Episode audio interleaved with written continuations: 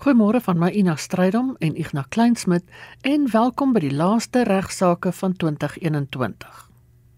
In die gees van die vakansietyd begin Ignas met twee stories in Ligtertrand en dan bespreek hy 'n saak oor 'n nahuwelikse voorwaarde kontrak. Goeiemôre luisteraars, goeiemôre Ina. Nou ja, is amper weer nuwe jaar. En uh vir die van u wat dalk nou 'n renie of twee nodig het soos ek wat uh, op Kersfees se hele speenvarkie probeer verorber het uh, gebruik het maar ek uh, hoop ook dat al ons Christen luisteraars het Jesus se geboorte 'n besondere individuele betekenis voorgehad. Uh, maar nou ja, nou maak ons reg vir ou jaar en nuwe jaar en omdat ek eers weer met julle gaan gesels het maandag die 13de skuis maandag die 3de Januarie om 11:30. Wens ek julle sommer nou al toe 2022 met baie lekker lag, baie reis sommer oor enige grense heen. Geen geweld teen vroue, kinders of mans nie vir 365 dae van die jaar. Ag en sommer net liefde en vrede vir ons almal. Kom ons hoop dat dit met ons land sal beter gaan. Ek gaan vandag afskop met 'n een of twee lekker stories weer humoristiese stories. Hierdie keer uit Isak Norke se pragtige boekie. Hy noem dit Stilte in die Hof, Shut Up Voetsek. Al in 1992 uitgegee en uh hy het in verskillende hoedanighede het hy in die hof opgetree, alles van polisieman tot landros ensovoorts. En uh, ek weet nie of die boek nog beskikbaar is nie, en die beste vir my weet nie, maar as daar iemand is wat weet of die boek dalk nog iewers beskikbaar is, laat my asseblief tog weet by Ignas by vvd.co.za want ek weet van talle kollegas wat baie graag hierdie boekie ook in hulle besit sal wil hê. Nou Isak vertel toe nou eers 'n polisieman was hier in tussen 1933 en 36 in Germiston dis hoe loopbaan nou begin het. Was hy op 'n Saterdagmôre aan diens in die aanklagte kantoor. En 'n dame bel en sy sê meneer ek praat hier van Klippoortjie. Ons het onlangs 'n nuwe huis betrek, een met groot vensters. Maar 'n klomp seuns speel voetbal in die straat. Nou voor ek verder gaan, hierdie is 'n mooi storie want jy weet mos ons polisie werk soms saam met misdadigers en ander idees daar. In 1933 was dit lyk 'n bietjie anders. Sy sê ja, as 'n klomp seuns hulle speel voetbal in die straat. Hulle het al 'n hele paar keer die bal deur my venster, teen my vensters geskop en ek kan sommer sien daar gaan net 'n groot skade wees. Stuur asseblief 'n polisieman om hulle te kom verwilder. Mevrou, sê ek, Ons het ongelukkig nie iemand nou nie. Maar nou daar in u omgewing patrolleer 'n konstabel op 'n fiets. Kyk asseblief vir hom en laat hom nie nodig gedoen. Later bel sy weer. Meneer, is dit so lank slaphou? Ja, mevrou, dis presies, dis hy. Meneer, ons sal niks help nie. Hy speel nou saam met die kinders voetbal. Dan is daar 'n mooi storieetjie wat hy ook vertel uh van Daisy die melker. Nou Daisy de Melker soos jy weet het 'n hele klompie gifmoorde gepleeg. En hy sê die jaar voor die berugte Daisy de Melker saak was Silver Koenen was die staatsadvokaat wat die getuienis gelei het in die voorlopige verhoor. En hy het uh, toe vertel daar vir hom uh dat haar man oudspringbok rugby speler sit de Melker glad nie wou aanvaar dat die hof se uitspraak reg was nie totdat die volgende gebeur het. Nadat sy reeds gehang is, is seker van Duisie se persoonlike besittings op 'n vendisie verkoop. En die koper van haar klein radiootjie het gevind dat daar fout met die ding was. Hy neem dit toe na 'n herstelwinkel en binne-in baie goed weggesteek ontdek die werktuigkundige toe 'n koevert met die woorde daarop. En ek haal aan Voordeur oud sit, dis nou haar man, sit die melker. En binne in hierdie koevert, raai wat was daar? 'n Wit poeier. Dis toe aan die polisie oorhandig wat dit laat ontleed het. Haar seun. So alhoewel sit nie wou glo wat alles met Daisy die melker in die saak gebeur het nie en aan die moorde wat gepleeg was nie, was dit duidelik dat hy dalk volgende op die lys was. Luisteraars, ek wil 'n interessante saak met u bespreek rakende 'n nahuwelikse voorwaarde kontrak. Dan in die algemeen waar hoe dit nou inwerk op huweliksgoedere bedeling, want die feite van hierdie saak was dat die partye getroud was binne gemeenskap van goedere En in Mei 2016 het die eiser toe 'n aansoek gebring na die hof vir onder andere eh, die verdeling van die gemeenskaplike boedel. Dit was toe nou deel van 'n egskeiding en dinge het nou nie lekker gegaan nie. Die eiseres wil skei. Sy sê ons is getroud binne gemeenskap van goed, ek's geregtig op die helfte.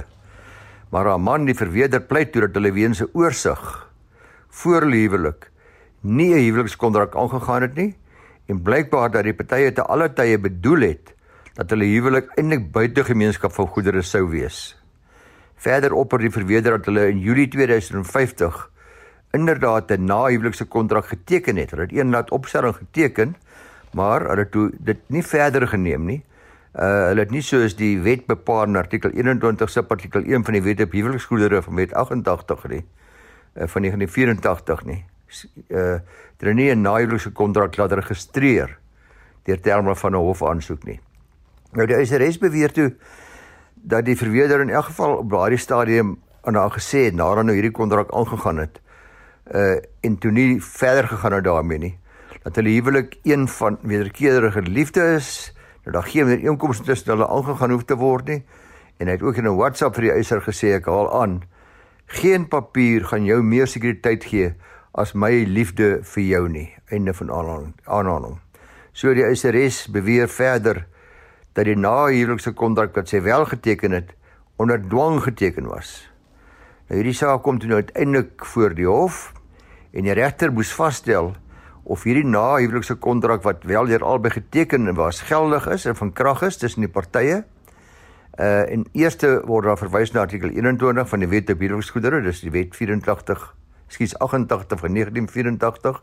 En hierdie wet bepaal hoe mens jou huweliksgoedere bedeling kan reguleer en spesifiek dat beide partye die hof kan nader, dis dan beide gades vir die wysiging of verandering van hulle huweliksgoedere bedeling uh en die hof sal dit goedkeur mits daar 'n sekere vereistes voldoen is. So luisteraars, die van u wat dalk binne gemeenskap van goed getroud is en dalk oorweeg om oor te gaan na 'n huwelik buite gemeenskap van goedere of vice versa, maar mooi luister. Dis ook vir alle getroudes moontlik om dit wel te doen. Wanneer jy gaan seek aan die nakoming van sekere vereistes. Eerstens, daar moet goeie redes wees vir die verandering. Tweedens, daar moet voldoende kennis gegee word aan alle skuldeisers van beide die gades sodat hulle dus nie benadeel word nie en derdens geen party moet benadeel word deur die voorgestelde verandering nie. Die hof in hierdie geval verwys toe verder na ander hofsaake wat ook gehandel het met die verandering van huweliksgoedere bedeling.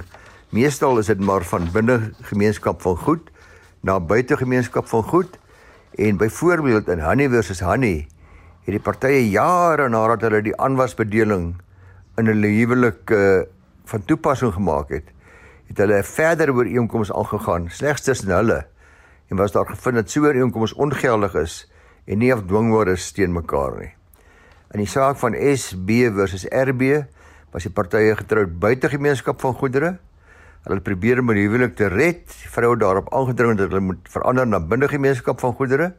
Maar ook hulle het nooit die hof genader in terme van artikel 21 nie en sê die hof jammer, jy is steeds getroud buite gemeenskap van goedere in die saak van Estate Spinazzi en ander en en oor die hof bevind dat 'n mondelinge voorhuwelikse ooreenkoms.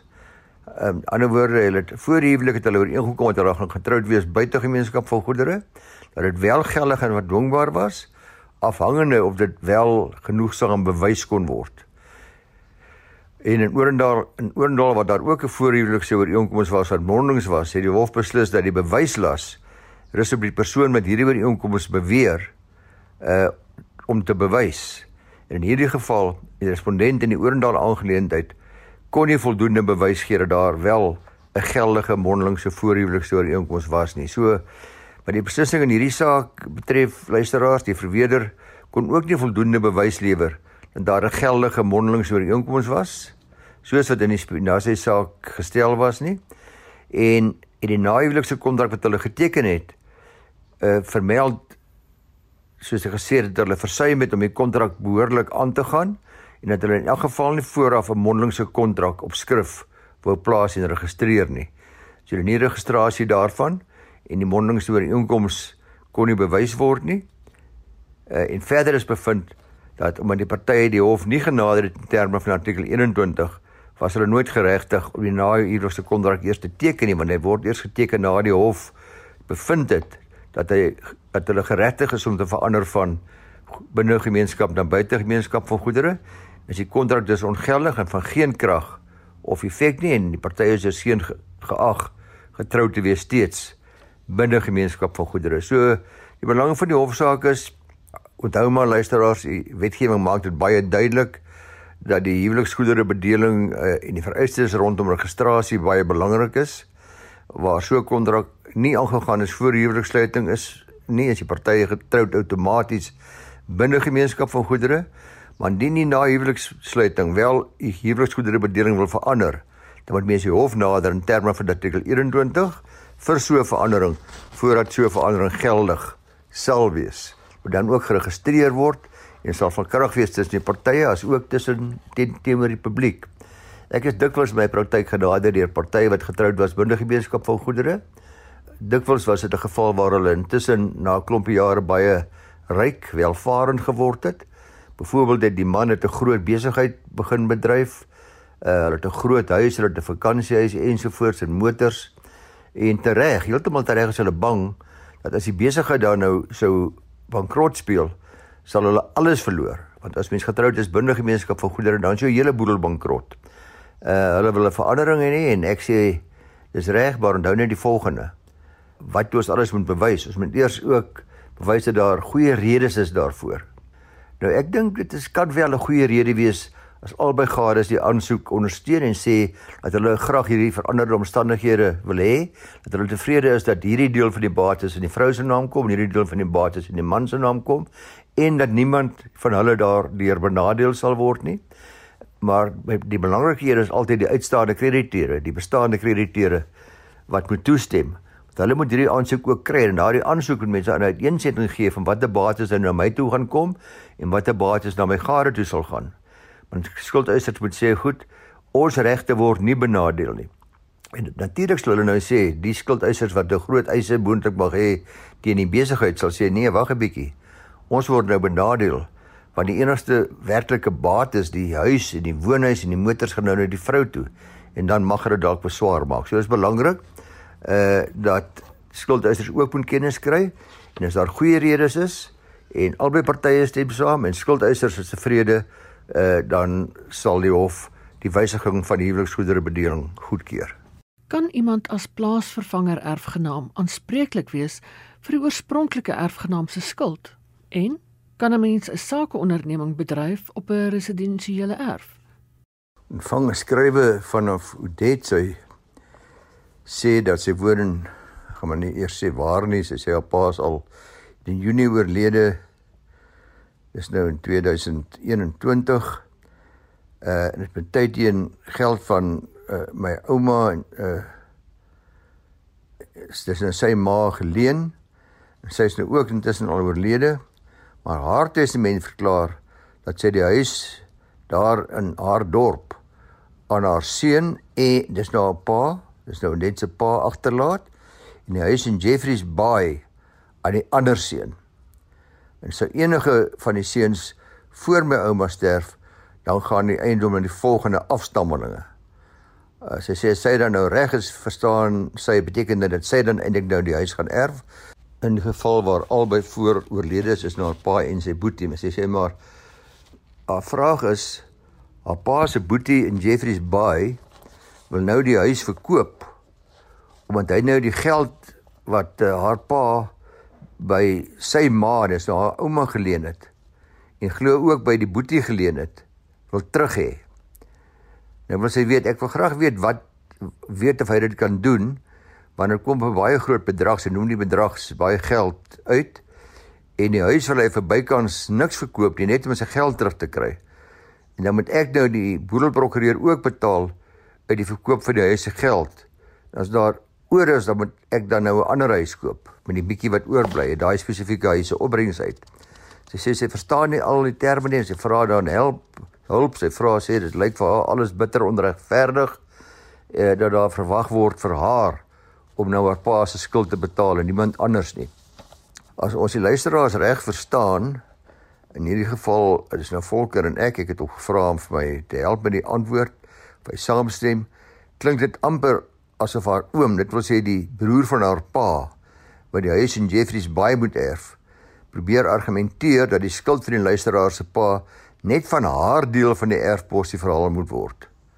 Dit klink met ander woorde of hy sê die huis vir die luisteraar in die plek van haar pa moet erf moet verkoop om haar pa se skuld aan die boedel te te te, te delg. Nou uh Volker sê dink jy dis reg nie ek stem saam. Haar pa se boedel sal wel nog leningsskuld aan haar ouma se boedel moet betaal natuurlik. As daar bewys is dat haar pa geld aan die ouma nog verskuldig is, afhangende van wat die testament sê, is al kwytgeskeld, maar as dit nie kwytgeskeld is nie, uh dan natuurlik moet dit betaal word. Dis word baie dikwels word skulde in die testament afgeskryf. Maar as dit nog verskuldig is, uh dan sal sy betaal moet word. Maar die vraag is behoort die luisteraar nou vir die skuld van haar pa as sy plaasvervanger erfgenaam verantwoordelik te wees of nie? Of sy na haar oom sal oor 'n gelyke kam geskeer moet word wat die moontlike verkoop van hulle erfporsies aanbetref. Ja, dit is beslis so. Aan die ander wyse is nie net een van die erfgename wat nou die skuld moet delg nie, teen haar erfporsie afgeskryf word nie, maar dis van toepassing op al die ander erfgename ook uh, almal word oor die gelyke kam geskeer wat uh, hulle erfporsies aanbetref. En ons reg is jy nie sonder meer aanspreeklik vir die skulde van jou pa of enige ander familielid nie. Alhoewel ek dink die leningsskuld van haar pa wel haar probleem kan raak, is as sy 'n erfgenaam is van haar pa se boedel en dan nou nie genoeg kontantfonds aan haar pa se boedel is wat in hierdie geval so lyk om die leningsskuld te delg nie. Hulle sal dalk van van die bates in haar pa se boedel moet verkoop om geld te hê om die leningsskuld te betaal. Alternatiefelik sal al die erfgename moet inbetaal om dit te verhoed. Nie net sy nie, let wel, al die erfgename in verhouding met uh hulle belang in die erfporsies.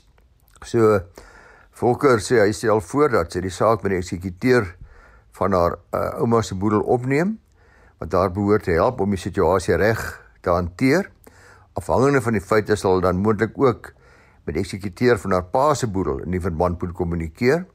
Maar eksekuteur behoort natuurlik na my mening erfgename met navraagsies en luisteraars in te woord te staan en behoorlik te verduidelik met relevante regsbeginsels in die proses behels en dan sou dit nie nodig wees vir Oudet om haar bekommernisse met ons te deel nie want eksekuteur het ook 'n plig om vir erfgename mooi te verduidelik presies wat alles beteken.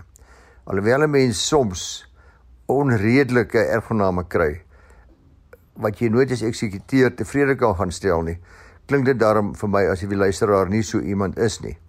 Uh, ons sou dus hoop dat sy by die eksekuteur gaan uitkom of as hy dan glad nie na haar wil luister nie, moet sy maar prok prokureur gaan spreek om haar te help om seker te maak dat die boedel korrek bereder word. Dankie aan Odette vir 'n interessante navraag. En nou ek vermoed ek het uh, nie te lank gelede en miskien jaar wat reeds hierdie aspek raak in die vraag of mense besigheid van 'n residensiële eiendom kan bedryf hanteer, maar ek kry soveel navrae daaroor dat ek dit maar weer gaan doen. En veral omdat ek 'n uh, baie oulike nuusbrief hier gekry het van die bekende regsfirma VDT, altyd uh toe van die Merwe van die Merwe toe liewers te daar in Pretoria. Uh baie dankie vir die nuusbrief wat u ook aan my stuur en hulle het dan ook 'n navraag gekry van 'n luisteraar wat die volgende sê. Hy sê ek oorweeg om 'n ou huis te koop en dit op te knap om as kantore van my algemene mediese praktyk te gebruik. In die gebied waarna ek kyk, is daar reeds 'n aantal klein besighede hier en daar wat ook vanuit huise bedryf word. Ek wil egter seker maak dat ek my praktyk vanaf hierdie eiendom kan bedryf. Nou, hoe doen ek dit? Nou, ek gaan nou maar gebruik maak van van 'n Merwe en Toy se nuusbrief hulle het op 'n uitstekende manier hierdie kliënt geantwoord. Om te verseker dat jy jou mediese praktyk vanuit die relevante eiendom kan bedryf, sal jy moet kyk na jou titelakte eerstens, sowel as die sonering van die beoogde eiendom. Die titelakte van 'n mens se eiendom mag voorwaardes bevat. En baie min mense weet wat in hulle titelakte staan terloops uh gewoonlik is die titel die titelakte maar by die bank waar die verband is maar jy kan gerus gaan kyk daarna. Want die titelakte mag voorwaardes bevat wat die bedryf van enige besigheid of die bedryf van sekere tipe besighede op die eiendom beperk. Die titelakte mag ook beperkings bevat rakende die uitbreiding van of aanbouing aan die geboue op die eiendom wat op sy beurt ook jou uh, mag beperk in opsigte van die uitbreiding van julle kantore. Met ander woorde, ek wil 'n nuwe kantoortjie aanbou of 'n nuwe ontvangslokaaltjie vir my pasiënte of wat ook al dit mag wees. Dalk gaan die titelakte dit verbied. Dis daarom belangrik om 'n omsigtigheidsondersoek op die eiendom te doen en jou prokureur of 'n ander eiendoms spesialist te vra om vir jou afskrif te kry vir die titelakte en dit vir enige sulke beperkings te hersien. Maar jy kan natuurlik dit self ook doen as jy titelakte in jou besit is, self te lees of iemand vra om dit vir jou te interpreteer. Jy sal ook moet kyk na die sonering van die eiendom. Die tweede belangrike aspek, die sonering verwys na die verdeling van 'n stad in sones wat op sy beurt die tipe en getal geboue en hulle gebruik in daardie spesifieke sone kan beperk. Die doel daarvan is 'n behoorlike gebruik van grond in 'n dorp of in 'n stad waar ek nogal te bewerkstellig. Uh dis om te bepaal onder watter sonering jou eiendom val, kan jou plaaslike owerheid gekontak word vir duidelikheid oor hierdie sonering of jou prokureur of eiendomsspesialis kan gevra word om jou daarmee te help. In hierdie geval sien ek hy sê daar is al reeds 'n klompie eiendomme wat wel besighede in het, maar dit mag wees dat die hele gebied nie gesoneer is nie en net sekere eiendomme gesoneer is uh vir besigheidsdoeleindes en dalk sy betrokke erf nie. Daar moet op gelet word, sê VDT korrek, dat elke plaaslike owerheid verskillende bywette en reëls het rakende sonering. Daarvolgens mag dit wees dat jy wel sekere besighede in 'n sone bedryf mag word, ander tipe besighede weer nie toegelaat word nie. Sodra jy die sonering van jou eiendom bepaal het, kan jy dan bepaal of die sonering vir 'n residensiële of besigheidsdoeleindes is en of jy mediese praktyk daaronder sorteer en sou die besigheidsaktiwiteite wat jy wil doen, uh byvoorbeeld 'n professionele praktyk toegelaat wees, mag dit ook raadsaam wees om te verseker dat hierdie spesifieke tipe praktyk wat jy wil bedryf toelaatbaar is en kan jy met jou prokureur dan weer eens bespreek om seker te maak dat jy nou nie 'n klomp geld aangaan net om later uit te vind jy kan daai spesifieke bedryf vir jou praktyk nie daar uh bedryf op daardie erf nie. Dit mag gebeur dat jou aanvanklike praktyk toegelaat word, maar dat jy beperk word in opsigte van die latere uitbreiding van jou praktyk. Hou dit maar in gedagte. Weereens sal omsigtigheidsondersoek vooraf help om hierdie latere probleme te vermy. Maar die meer algemene as uh, situasie wat gebeur luisteraars wanneer mense by ons kom om hierdie vraag vra, hulle wil 'n besigheid begin, dan moet mense die vraag vra, sou dit wees dat jou sonering nie toegelaat is vir jou tipe van beoogde besigheidsaktiwiteit nie, dan kan jy oorweeg om aansoek te doen om hersonering van hierdie eiendom. Dit gebeur tog al deesdae in 'n plek soos Rustenburg en baie ander dorpe en stede baie gereeld. Uh en 'n hersoneringaansoek kan natuurlik tydrowend en duur wees. Uh en jy moet maar van die dienste van jou prokureur gebruik maak en die prokureur sal dikwels ook stadsbeplanner hê wat saam met hom werk. Uh wat help om die planne op te trek en die motiverings behoorlik uh, daar te stel sodat uh, ons die, die stad kan oortuig om jou aansoek goed te keur. En dis ook natuurlik nou nie gegee dat jou aansoek sal slaag nie uh jy gaan nou wel 'n klomp kos daar en dikwels is die aansoeke onsuksesvol. Nietemin in die geval van ons dokter wat inskryf, dat daar reeds 'n klompie aansoeke geslaag het in daai spesifieke straat of omgewing, maak sy aansoek uh, se kans om te slaag redelik goed. Uh maar sonder die plaaslike owerheid se goedkeuring vir hersonering van die eiendom sal jy nie in staat wees om wettiglik 'n praktyk op daardie eiendom van jou te bedryf nie. Uh nou ons sal verstaan luisteraars, die implikasies kan dus massief wees indien jy een om koop of opnam spesifiek wat jy besigheid daarop wil dryf en dit dan later blyk dat jy nie wettig toegelaat is om vanaf daardie een om die besigheid te bedryf nie. Dis regtig dis raadsaam soos hierdie prokureurs ook aanbeveel dat jy vooraf by jou prokureur uh of die of jou stadsbeplanner of die eiendomsspesialis raadpleeg om jou te help om die nodige omstandigheidsondersoek te voltooi of die hof aansoek doen voordat jy besluit uh om die eiendom te koop. In ander woorde, die aan die verkoper sê jy koop die eiendom onderhewig daaraan dat daar toestemming gegee sal word, 'n hersonering toegelaat sal word om hierdie praktyk wat jy daar wil vestig te kan doen. Dit gebeur daar gedikwels dat die aansoek daar gedoen word voordat die eiendomstransaksie waar jy die eiendom koop van 'n ander verkoper plaasvind. Ons kry gereeld navrae natuurlik klagtes van eienaars uh, wat woon in woongebiede waar daar dan neffens hulle besigheid geopen word wat vir hulle pla, wat vir hulle irritasie is en 'n bron van frustrasie is.